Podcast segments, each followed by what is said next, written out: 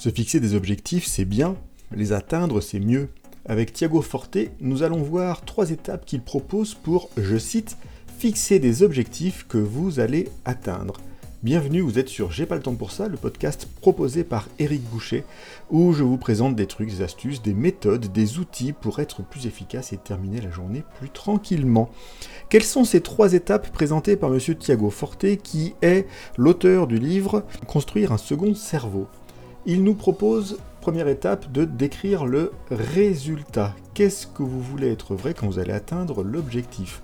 L'exemple qu'il donne par exemple, vous voulez apprendre une nouvelle langue comme l'espagnol, quand saurez-vous que vous avez appris l'espagnol? Et il propose de définir cette étape de manière la plus concrète possible. Première étape, donc je décris le résultat.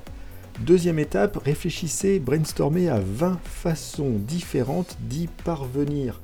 Euh, comme il le dit, il y a plusieurs moyens pour atteindre le même objectif. Certains vont être plus efficaces, plus amusants même que d'autres. Donc vous allez poser tranquillement quelles sont les différentes façons d'atteindre ce même objectif, ce même résultat.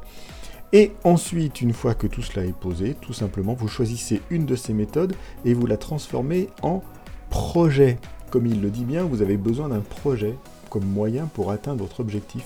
Et donc, qui dit projet dit un certain nombre d'étapes, dit un certain nombre de contraintes ou d'éléments, comme euh, l'exemple de l'espagnol que Thiago Forte proposait. Si vous voulez faire avec un tuteur, il va falloir en trouver un. Peut-être demander des recommandations à des amis, faire des recherches, et donc vous capturez toutes les informations pour avoir votre projet.